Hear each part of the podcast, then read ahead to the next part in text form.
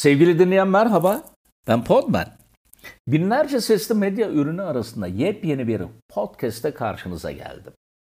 Şapkadan tavşan çıkartmayacağım.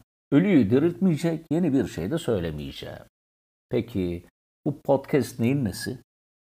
Hipokrat'ın bir sözü var. Ars longa vita brevis. Yani sanat uzun, hayat kısa. Bilgi çağının tam göbeğindeyiz.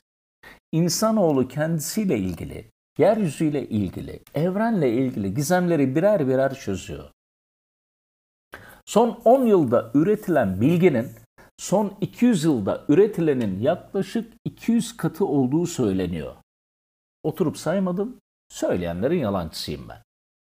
Böylesine büyük bilgi bombardımanına maruz kalmışken biz de her an her şeyi öğrenmek istiyoruz. Hayat elbette tüm bilgileri öğrenmek için de çok kısa.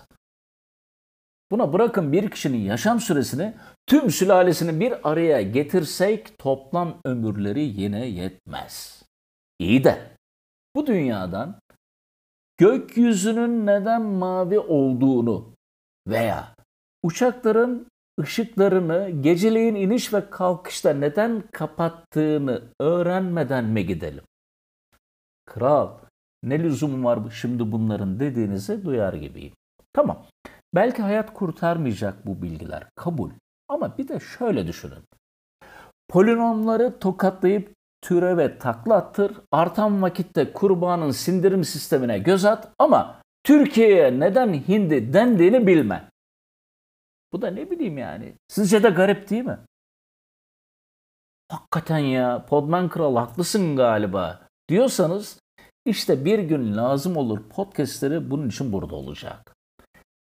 Bu arada lütfen e-posta adresimi de kaydedin. Linkte açıklamanın altına bırakacağım. Merak ettiğiniz ama bilmediğiniz konuları podmanevreni@gmail.com tekrar ediyorum podmanevreni.gmail.com adresine yazarsanız geliş sırasına göre bunları sizin için araştırıp size özel bir program yapacağım. O halde ilk bir gün lazım olur bilgisiyle başlayalım.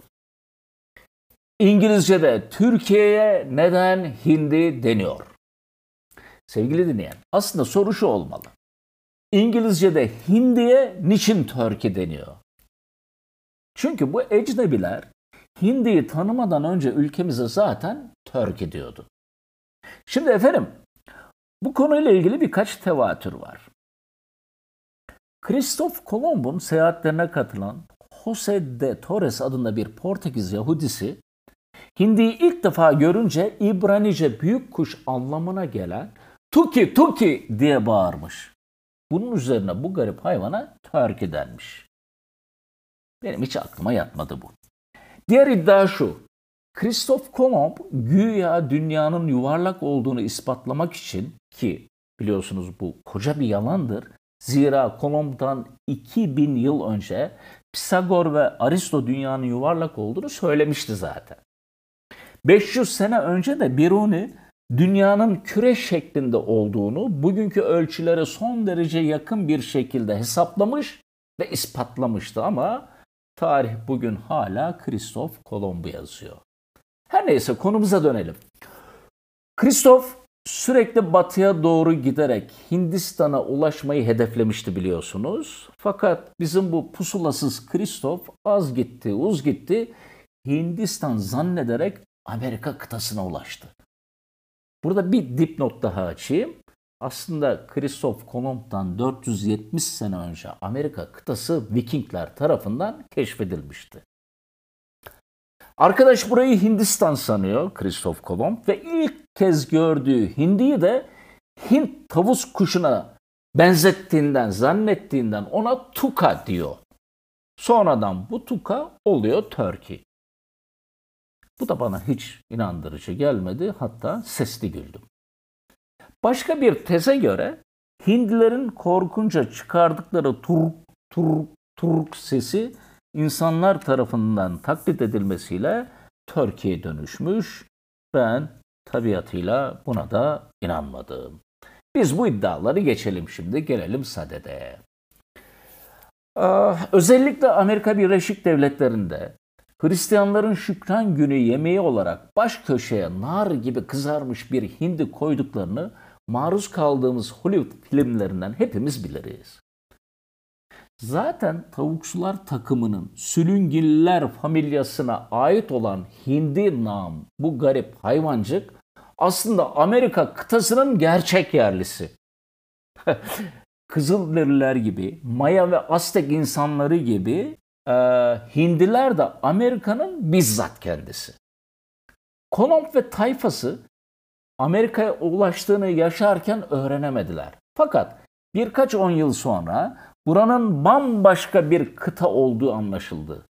Avrupalı baktı, sömürülecek mümbit devasa bir ana kara var, burayı adeta yol geçen hanına çevirdi.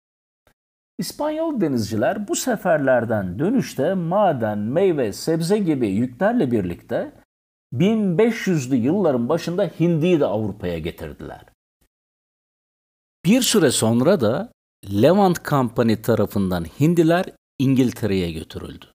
Bu şirket Osmanlı Levant bölgesi ile İngiltere arasında ticari taşımacılık yapan çok ayrıcalıklı bir şirket. Zengin ve görkemli doğudan, orta çağdan yeni çıkmış batıya ürün taşıyan bu şirkete İngiltere'de Turkey Company de deniyor. Levant bölgesi ise Hatay ilimizden Nil nehrine kadar olan tüm Doğu Akdeniz kıyılarını içeriyor. O dönem Şam, Trablus Şam ve kısmen de Mısır eyaletleri bu bölgeye ait. Bu acayip görünüşte hayvanı ilk kez gören İngilizler Levant Company tarafından getirildiği için Hindi'yi Türklerle ilişkilendirmişler ve Türk kuşu anlamında Turkey bird veya Türk horozu anlamında Turkey kak demişler.